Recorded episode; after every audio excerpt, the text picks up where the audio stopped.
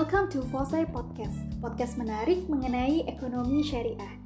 Jika kamu merasakan manfaat dari podcast ini, jangan lupa untuk share ke teman-temanmu and happy listening! Fosai Podcast, podcastnya Ekonomi Syariah. Beliau juga aktif sebagai peneliti di Pusat Ekonomi dan Bisnis Syariah UI dan sedang menggarap riset-riset beliau. Q4 kemarin 2021 sudah mencapai 5,02 persen, sekarang 5,01 persen. Pulih gitu ya Bu, apalagi sekitar kampus itu kan juga paling terdampak. Ya, pertanyaannya bagus sekali.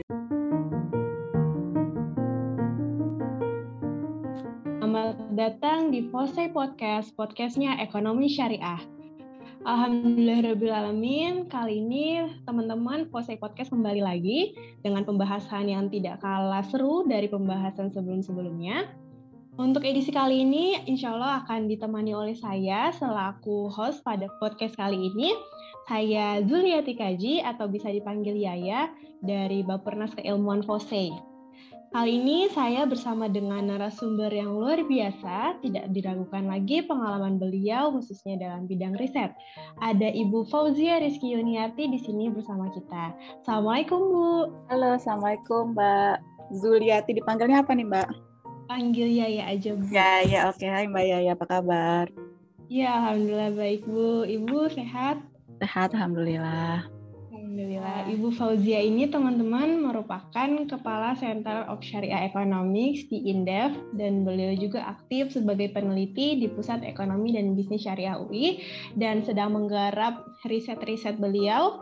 Nah, untuk tahun ini gitu ya Bu, ada riset yang berjalan kalau sesuai dengan apa yang uh, dilampirkan di sini ya Bu. Nah, sebelumnya terima kasih Ibu karena sudah mau meluangkan waktu untuk sharing sama teman-teman pendengar setia Fose Podcast di sini. Nah, untuk kali ini Ibu ada pembahasan yang menarik karena awal Mei kemarin uh, baru saja rilis gitu ya Bu terkait pertumbuhan ekonomi Indonesia triwulan 1 di tahun 2022 ini. Nah, kira-kira capaian uh, pertumbuhan ekonomi Indonesia ini Bu yang mencapai 5,01 persen, apakah cukup untuk menggambarkan uh, mulai membaiknya nih tren pemulihan ekonomi dan sesuai dengan target pertumbuhan ekonomi uh, yang ditargetkan oleh pemerintah gitu Bu? Silahkan Bu. Oke, okay, thank you Mbak Yaya. Uh, pertanyaannya bagus sekali. Jadi kalau ya kemarin baru ada rilis ya dari BPS, um, datanya 5 GDP kita sudah 5,01 persen. Um, itu kalau kita bandingkan uh, dengan periode-periode sebelumnya, ini sudah di titik yang sama seperti sebelum COVID gitu ya. Angka terakhir di kuartal 3 2019 itu sudah sama, sudah sama 5,02 persen. Kita 5,02 persen itu di Q4 kemarin 2021 sudah mencapai 5,02 persen, sekarang 5,01 persen um, turun sedikit, cuman yang masih overall masih the same. Jadi secara GDP, secara uh, pertumbuhan ekonomi kita sudah membaik gitu ya. Um, terlihat nyata dari mobilitas ya, mobilitas ekonomi um, kita merasakan sekali ya sekarang jalanan sudah macet. Paling gampang itu kita lihat jalanan itu udah macet. Itu memang satu sisi menyebalkan gitu ya. Akhirnya Jakarta kembali normal dengan macetnya. Satu sisi memang menyebalkan, tapi sisi lain kita juga sebenarnya harus bersyukur gitu ya. Berarti kan ekonomi kembali tumbuh gitu. Walaupun kita sebal, tapi kita lihat ada rakyat uh, lain gitu ya. Mayoritas orang Indonesia kan uh, mereka UMKM gitu dan UMKM berarti kan sudah mulai tumbuh jadi sebenarnya ya gitu ya, kita pas kalau macet di jalan tuh kita mungkin masih ngedumel gitu, aduh udah macet lagi Jakarta.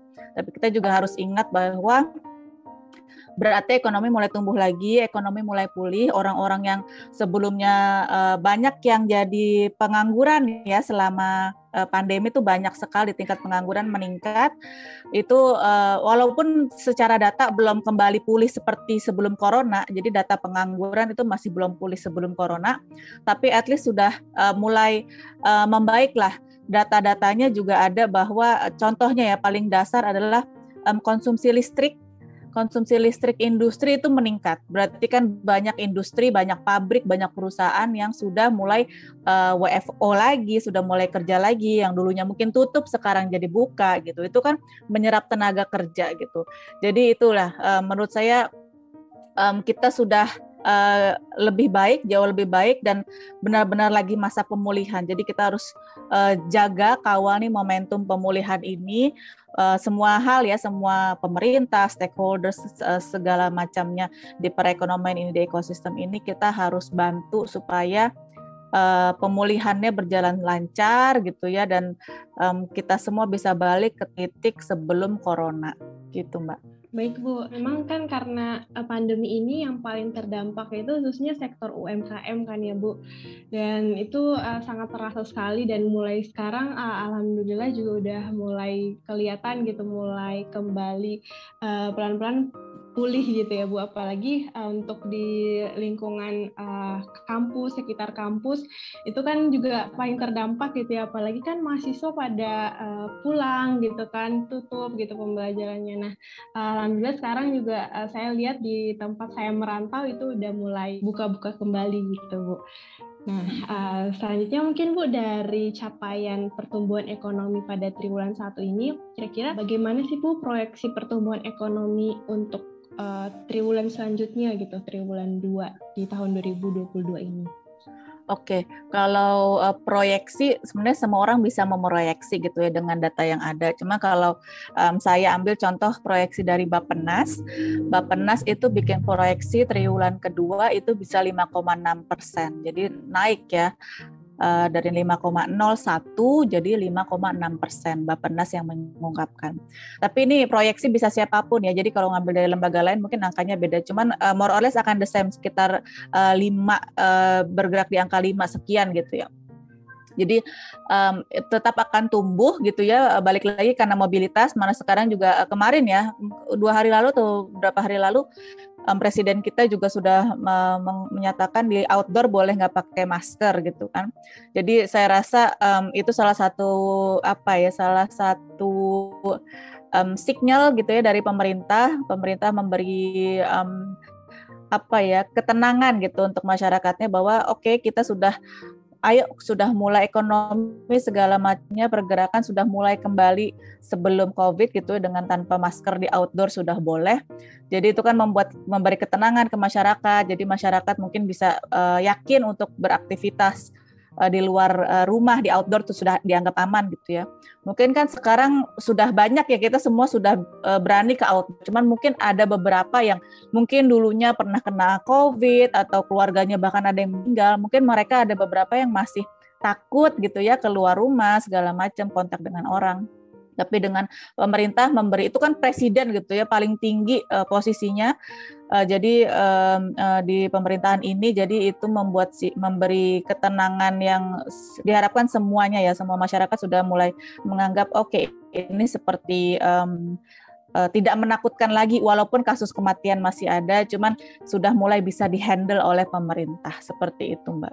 Baik Bu, uh, kalau misalnya kita uh, bicara tentang ekonomi syariah Bu, uh, kira-kira seperti apa sih Bu peran ekonomi syariah yang dalam hal ini mendukung akselerasi pertumbuhan ekonomi itu termasuk tadi uh, dalam hal uh, mendorong UMKM, mengentaskan kemiskinan dan kesenjangan sosial gitu serta yang menyelesaikan masalah-masalah ekonomi uh, akibat pandemi ini. Um, kalau dilihat di perekonomian Indonesia secara komprehensif memang UMKM itu 60% ya. Jadi GDP gross domestic product atau bahasa Indonesianya PDB produk domestik bruto. Jadi 60% itu UMKM menyumbang ke PDB. Jadi itu 60% itu banyak ya mayoritas, 60% itu mayoritas. Jadi memang um, tapi sisi lain UMKM itu sangat eh, rentan, vulnerable gitu ya, sangat rentan. Jadi pas lagi ada Covid itu UMKM kan ada beberapa eh, beberapa kelas ya, ada yang um, kalau kena krisis mereka masih sudah siap gitu ya, mereka bertahan tapi ada juga yang kena krisis mereka langsung kolaps, bangkrut. Um, terus ada juga yang kena krisis dia bisa bertahan tapi bertahannya pun cuman ada yang oh gue masih bisa bertahan tiga bulan, ada yang masih bisa bertahan setahun gitu. Ada cuma bertahan bertahan sebulan lalu kolaps. Nah, jadi uh, UMKM tuh uh, itu karakteristiknya sangat rentan dengan um, ya krisis atau shock itu di ekonomi. Jadi memang um, ekonomi syariah gitu ya itu sangat berperan penting untuk membantu uh, UMKM itu dan banyak banyak hal yang bisa dibantu oleh ekonomi syariah. Kalau mau dilihat per lembaga, um, OJK ya Otoritas Jasa Keuangan itu membagi menjadi tiga kan ada perbankan syariah, ada uh, IKNB syariah, industri keuangan non bank. Jadi semua lembaga-lembaga keuangan yang kita tahu tapi bukan bank itu namanya IKNB. Salah satunya apa? Ada P2P lending yang paling dekat dengan kita itu P2P lending ya pinjol paling bahasa awamnya itu pinjol gitu tapi bahasa resminya tuh P2P lending uh, apalagi ya asuransi, um, dana pensiun, modal ventura, um, pegadaian itu contoh uh, eh, IKNB tadi industri keuangan non bank. Dan yang ketiga kategori lembaganya dibagi oleh OJK adalah pasar modal syariah. Nah, tiga ini itu sebenarnya punya peran masing-masing penting untuk uh, membantu um, mendukung pemulihan ekonomi gitu ya. Dari perbankan syariah contohnya adalah um, semua bank di Indonesia ya nggak cuma bank konvensional atau bank syariah tapi semua bank di Indonesia berdasarkan peraturan BI mereka itu disyaratkan untuk memberi pembiayaan ke UMKM disyaratkan. Jadi misalnya uh, eh, persyaratnya itu uh, teman-teman bisa lihat uh, di RPIM namanya rasio prudensial uh, rasio pembiayaan uh, I-nya saya lupa M-nya makroprudensial. Jadi RPIM disingkatnya jadi itu disyaratkan uh, dari total pembiayaan bank sekarang peraturannya 20% harus ke UMKM. Bertahap nanti sampai 2024 kalau nggak salah sampai 2024 itu um, bisa eh harus 30%. Jadi kalau tidak memenuhi 20% atau nanti di 2024 itu 30% itu akan ada dendanya. Nah, um, contohnya gimana? Contohnya dari contoh paling dekat dari kita, um, misalnya saya ambil contoh Bank Syariah Indonesia ya, BSI sebagai bank syariah paling besar. Kalau teman-teman mau lihat di laporan keuangannya gitu ya, atau di websitenya, mereka selalu bilang misalnya contoh tahun ini total pembiayaan, pembiayaan itu total kredit gitu ya, kalau di bank konvensional sebutannya kredit, total kredit yang sudah disalurkan ke masyarakat itu sudah satu miliar misalnya. Nah, 20 persennya itu harus ke UMKM. Jadi 80 persennya bisa apa pun, apa pun tuh contohnya kredit rumah gitu ya. Mungkin orang tua teman-teman di sini ada yang KPR, itu kan kredit rumah kan KPR. 80 persennya tadi boleh ke kredit rumah, boleh ngasih ke orang tua kalian gitu ya teman-teman di sini kredit rumah, bisa kredit motor, kredit mobil, biayain perusahaan eh, misalnya eh, Coca-Cola, Unilever segala macam. Tapi 20 persennya berarti 20 persen dari satu miliar berapa? 200 eh, juta ya. 200 jutanya itu iya. harus ke Iya benar ya Mbak Yaya. 200 jutanya itu harus ke UMKM gitu. Nah, itu contoh dasar uh, contoh paling sederhana bagaimana dukungan pemerintah ke UMKM dan apa yang bisa dilakukan perbankan syariah untuk itu gitu. Selama ini itu memang uh, akhirnya nggak uh, semua bank sih bisa memenuhi 20% itu. Kenapa? Uh, padahal 20% ke sana sedikit, eh 20% ke UMKM kan sedikit gitu ya. Tapi nyatanya nggak semua bank bisa memenuhi itu gitu. Nggak bisa memenuhi syarat 20% itu. Kenapa? Karena kan membiayai UMKM itu berisiko. Risikonya tinggi, tapi returnnya, imbal baliknya itu eh, rendah gitu. Sedangkan kan kalau teori dasar investasi kan high risk high return gitu ya, low risk low return. Nah, kalau UMKM itu high risk, low return gitu. Logika dasarnya aja kita kan nggak mau masuk ke situ kan. Itulah kenapa banyak perbankan nasional syariah dan konvensional itu eh, akhirnya kesulitan untuk memenuhi syarat dari BI itu 20% ke UMKM. Nah, itu yang sayang disayangkan memang. Nah, kita harapkan bank syariah gitu ya dengan kan mereka punya nilai sendiri yang berbeda ya eh, dari bank konvensional. Bank syariah itu punya secara secara naluri gitu ya, secara asal muasalnya kan konsep ekonomi syariah memang mendukung keadilan sosial, membantu meningkatkan kesejahteraan, dan secara regulasi pun diatur bahwa bank syariah itu punya fungsi sosial gitu. Nah, jadi diharapkan bank syariah bisa semakin membantu meningkatkan pembiayaan ke UMKM karena UMKM yang paling rentan sekarang.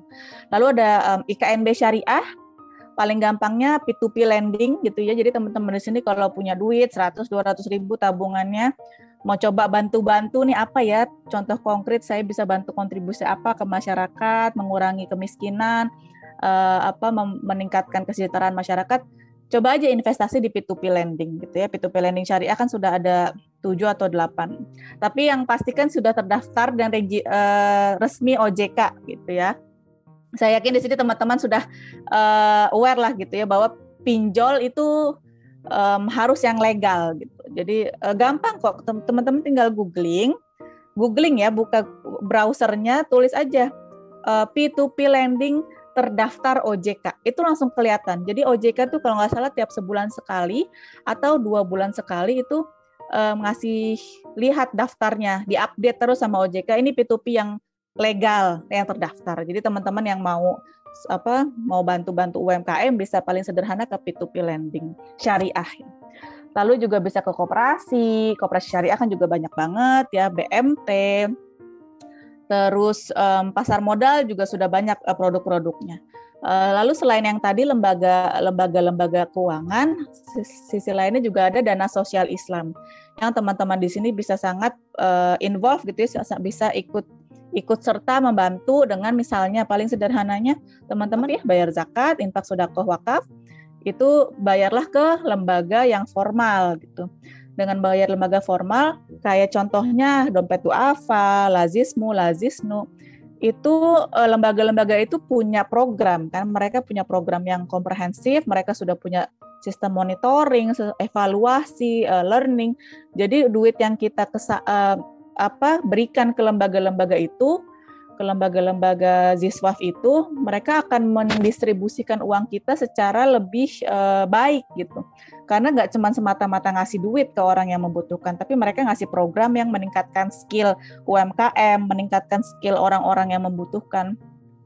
Jadi secara sistem ekonomi syariah itu sudah punya instrumen-instrumennya, tapi kan nggak akan berguna kalau instrumennya nggak dipakai kan. Gitu. Jadi kita sebagai rakyat sipil ini bisa membantunya dengan itu misalnya bayar ziswaf lah ke lembaga zakat formal atau mau punya duit kita investasi di P2P lending syariah seperti itu mbak jadi um, secara sistem ekonomi syariah nilainya sudah ada instrumennya sudah ada tinggal kita nih kitanya mau nggak gitu ikut serta membantu pemulihan ekonomi seperti itu mbak Yaya. Iya, bener banget Bu. Uh, terkait tadi ya, permasalahan UMKM itu juga kan terkait permodalan kadang uh, UMKM itu banyak yang belum uh, atau bisa dikatakan unbankable gitu ya Bu sehingga uh, terkendala dari segi uh, permodalan gitu. Nah sekarang ini kan Bu telah banyak uh, marak gitu berkembang security crowdfunding syariah gitu ya Bu. Nah itu juga bisa jadi solusi berarti ya Bu untuk uh, maksudnya membantu UMKM gitu ya uh, masyarakat ikut uh, urun dana di situ untuk uh, membantu UMKM gitu ya Bu. Iya, instrumennya banyak ya buat kita bantu UMKM. Tadi security crowdfunding itu kan um, mungkin itu masuknya saya nggak tahu itu masuk ke pasar modal apa enggak. Cuman kayak yang tahu kalau kayak um, Islamic Equity Crowdfunding itu masuknya ke instrumen pasar modal ya. Banyaklah instrumennya um, kita sebagai rakyat sipil yang mau membantu, kita tinggal pilih sebenarnya gitu. Pastikan itu ya saya balik lagi pastikan kalau kita mau keluarin duit, mau investasi pastikan itu OJK eh, terdaftar di OJK. Oh, besok kita aman. Nggak usah takut mikir kenapa-napa nih uangnya dibawa kabur segala macam, nggak usah mikir itu. Jadi once OJK uh, eh, resmi di OJK, udah kita bisa bantu dengan aman dan tenang seperti itu, Mbak. Iya, setuju banget sih Bu. Soalnya emang pas pandemi ini juga banyak uh, investasi-investasi bodong gitu ya Bu, yang menawarkan, yang menggiurkan gitu ibaratnya. Tapi malah uh, ya rugi gitu orang-orangnya gitu. Makanya uh, silakan nih teman-teman pendengar Kose Podcast, ya investasinya silakan di yang udah dijamin oleh OJK aja gitu, biar teman-teman tenang gitu dan juga hasilnya insya Allah udah pasti gitu nggak perlu uh, takut lagi gitu ya rugi-rugi. Nah selanjutnya nih Bu melihat uh, capaian triwulan 1 di tahun 2022 ini dan tadi uh, kita bahas tentang proyeksi pertumbuhan ekonomi selanjutnya gitu. Kira-kira hmm, apa sih Bu yang perlu dilakukan untuk menjaga momentum ini gitu, momentum di atas 5% dan memastikan agar target pertumbuhan ekonomi ya bisa tercapai gitu di tahun ini atau sederhananya ya uh, strategi gitu untuk mengakselerasi perekonomian gitu sekaligus uh, dibarengi dengan mengoptimalkan kualitas pertumbuhan ekonomi itu sendiri. Oke. Okay. Um, tadi balik lagi ya karena ekonomi kita ini uh, di, di, didominasi oleh UMKM. Jadi kalau kita mau membantu mengakselerasi, mau membantu mengoptimalkan, kita uh, fokus ke uh, UMKM itu gitu. Karena um, mereka yang paling rentan, mereka yang kemarin paling hancur gitu ya. Ibaratnya orang-orang uh, pelaku usaha ya banyak juga sih yang bangkrut, kolaps gitu ya, atau mereka kesulitan, akhirnya mereka makan tabungan ownernya gitu untuk menyelamatkan bisnisnya. Cuman kita lupakan lah ya orang-orang yang bisnisnya menengah ke atas tuh mereka bisa survive sendiri, mereka bisa cari modal sendiri, mereka bisa cari putar otak sendiri. Nah yang kita bantu nih UMKM, yang kita harus fokus, kita tuh semua ya teman-teman di sini, walaupun uh, misalnya mahasiswa, rakyat sipil lah, ibaratnya kita rakyat sipil, pemerintah juga harus fokus ke UMKM mereka tadi benar kata Mbak Yaya, mereka itu butuh modal. Mereka dan uh, butuh modal, uh, pembiayaan juga gitu ya salah satunya. Dan paling penting mereka itu butuh pendampingan mereka itu um, kadang mereka punya ide buat bisnis cuman mereka nggak ngerti mulainya gimana atau mereka udah menjalankan mereka nggak tahu cara operasional bisnis tuh gimana atau mereka sudah tahu operasional tapi cara nyatet keuangannya seperti apa. Sedangkan namanya bisnis kan harus dicatat ya pengeluaran pemasukan ke, uh, keuangannya harus dicatat. Jadi banyak hal di kehidupan atau di seluk beluk UMKM tuh intinya mereka butuh pendampingan Nah, jadi um, teman-teman di sini kalau misalnya masih mahasiswa itu salah satunya bisa contohnya misalnya bikin pro project gitu ya di kampus, bikin um, bisnis untuk atau bikin acara, bikin konsep program pendampingan UMKM gitu. Itu kalau teman-teman mau contoh nyata gitu ya, teman-teman mahasiswa bisa ngapain sih gitu. Bikin pendampingan ke UMKM.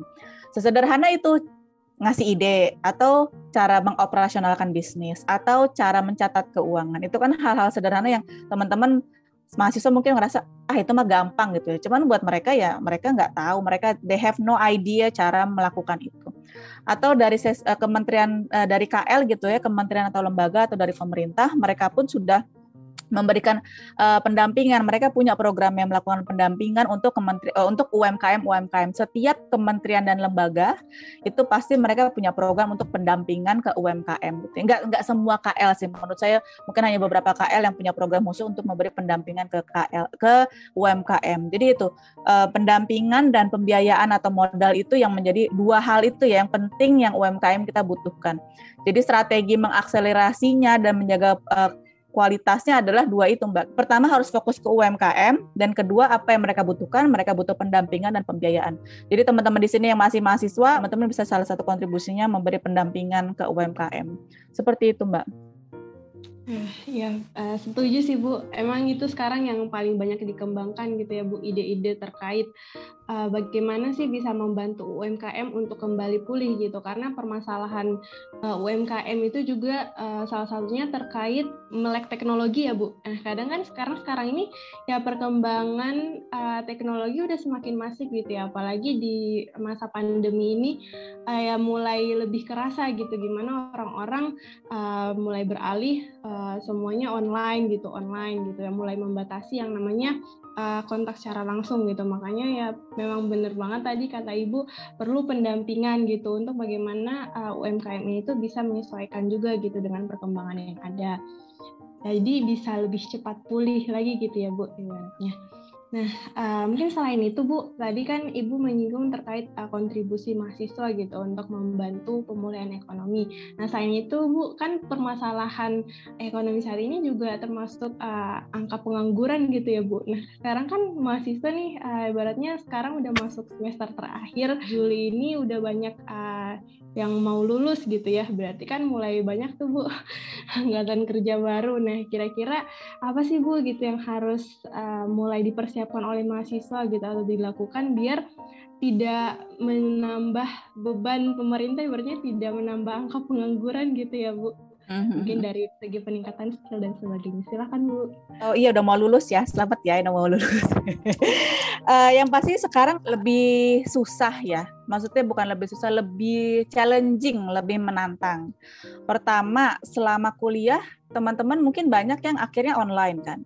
Nah, kuliah itu sebenarnya kan selain mencari ilmu kuliah gitu ya, ilmu ilmu yang uh, ilmu formal duduk di kelas, yang kalian dapatkan melalui Zoom karena COVID ini. Tapi kan kalau kuliah juga yang kita cari bersosialisasinya gitu ya organisasinya. Ya mungkin teman-teman di FOSE atau kalau di kampus ada yang ikut BEM segala macam masih bersosialisasi cuman beda ya. Kita sosialisasi secara langsung sama lewat Zoom kan beda jadi um, ada skill itu tuh skill networking skill membangun jaringan skill berkomunikasi secara langsung ya communication skill skill presentasi banyak skill yang sebenarnya um, sangat disayangkan uh, sempat hilang gitu karena kalian nggak dapatkan selama kuliah. Jadi kalian uh, teman-teman mahasiswa harus pertama harus sadar dulu itu ada skill yang hilang atau skill yang bukan hilang ya skill yang berkurang yang seharusnya bisa didapatkan kalau nggak ada COVID. Gitu. Jadi pertama harus akui, uh, akui dan sadari ada bagian itu. Nah nextnya apa ya harus dikejar bagian itu. Gimana misalnya nonton YouTube, gimana cara ngomong atau public speaking yang baik, terus bagaimana cara membangun jejaring yang baik gitu. Akhirnya memang harus learning by doing itu. Nah, karena nanti pas kalian lulus, teman-teman lulus, uh, skill itu mungkin kan teman-teman lulus, mungkin corona sudah semakin reda, sudah semua sudah offline gitu. Akhirnya kerja mulai di kantor lagi segala macam. Nah, uh, apa? Kan skill itu yang dibutuhkan saat ketemu langsung kan. Pertama itu ya soft skill lah itu ibaratnya soft skill. Hard skillnya apa? Hard skillnya um, menurut saya itu bahasa bahasa Inggris ya kayaknya semua uh, semua orang sekarang kalau mau bersaing nggak mesti bersaing di global ya bersaing di tingkat nasional pun rasanya uh, bahasa Inggris itu sangat dibutuhkan. Nah teman-teman sekarang di sini kan um, sudah banyak sebenarnya resourcesnya ya bisa belajar dari YouTube dan banyak apps-apps juga bisa belajar bahasa Inggris dari mana pun. Jadi um, skill yang lainnya adalah uh, belajar bahasa Inggris gitu ya, bahasa Inggrisnya di, ditingkatkan, punya nilai nilai tambah yang lebih gitu. Karena teman-teman lulus kan yang anak lulusan S1 banyak ya. Sekali rasanya alhamdulillah sebenarnya ya sekarang yang anak lulusan S1 tuh semakin banyak. Uh, alhamdulillahnya berarti kan tingkat pendidikan Indonesia bisa semakin baik segala macam. Tapi kan kalau dilihat minusnya berarti saingan lebih banyak gitu kan. Apa yang membedakan teman-teman dibanding teman yang lain? Ilmu semua sama-sama dapat ilmu di kelas. Jadi harus punya sesuatu yang ditonjolkan yang saat teman-teman mau ngelamar kerja misalnya memutuskan untuk mengelamar kerja di kantor, oh ini yang di oh si Mbak Yaya beda nih sama teman yang yang lain nih. Oh karena Mbak Yaya oh bahasa Inggrisnya jago banget nih Mbak Yaya. Organisasinya atau kepanitiaannya lebih banyak nih gitu oh Mbak Yaya udah pernah misalnya student exchange ke luar negeri gitu. Oh Mbak Yaya pernah uh, bikin organisasi volunteer apa uh, sukarelawan gitu. Jadi kita perlu usaha lebih memang teman-teman mahasiswa di sini butuh usaha lebih untuk uh, menonjolkan dirinya, menjual diri ya ibaratnya menjual diri in a good way. Jadi pas orang lihat CV teman-teman tuh, oh Mbak Yaya ini lebih bagus nih buat kita tarik karena Mbak Yaya punya skill-skill ini misalnya kayak gitu. Jadi itu sih Mbak skill itu yang membuat kita um, membedakan kita dari yang lain. Tapi uh, harus dibuka juga ya pikirannya jangan cuman oh lulus misalnya jurusan ekonomi syariah, oh lulus ya cuma bisa ke bank syariah. Enggak. Tadi uh, nyambung ke yang tadi juga kan dari lembaga kan banyak ya lembaga syariah tuh banyak. Bisa ke bank syariah. Bank syariah tuh mungkin semua pengennya ke bank gitu syariah. Tapi kan juga ada lain ada pegadaian syariah ada P2P lending syariah. Sekarang kan anak sekarang pengennya ke startup startup gitu ya. Banyak kok startup startup itu yang P2P lending syariah tuh juga banyak gitu.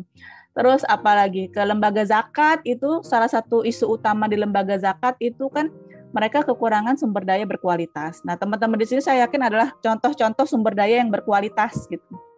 Jadi um, dibuka cakrawalanya, uh, dibuka spektrumnya bahwa lulus tuh nggak mesti harus kerja di bank syariah, tapi ada juga uh, lembaga lain, ada pegadaian syariah, dana pensiun syariah, P2P lending syariah, uh, what else um, banyak lah banyak lembaga-lembaga syariah lain yang teman-teman bisa masuk.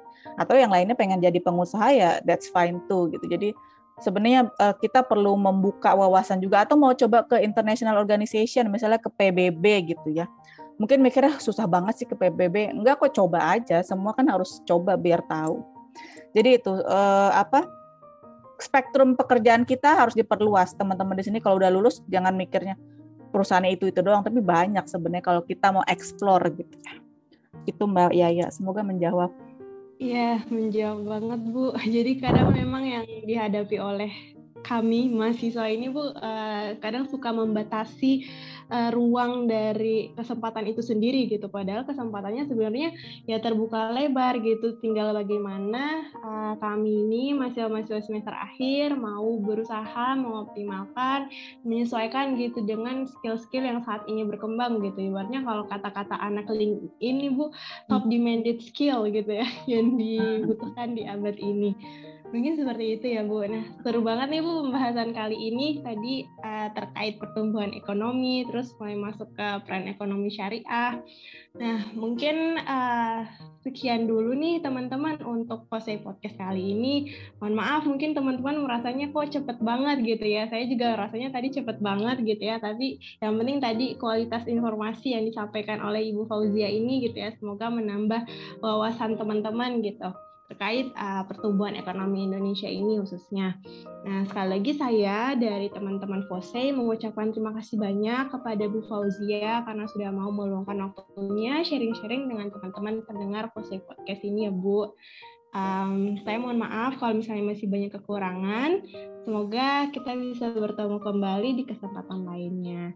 Saya tutup. Wassalamualaikum warahmatullahi wabarakatuh.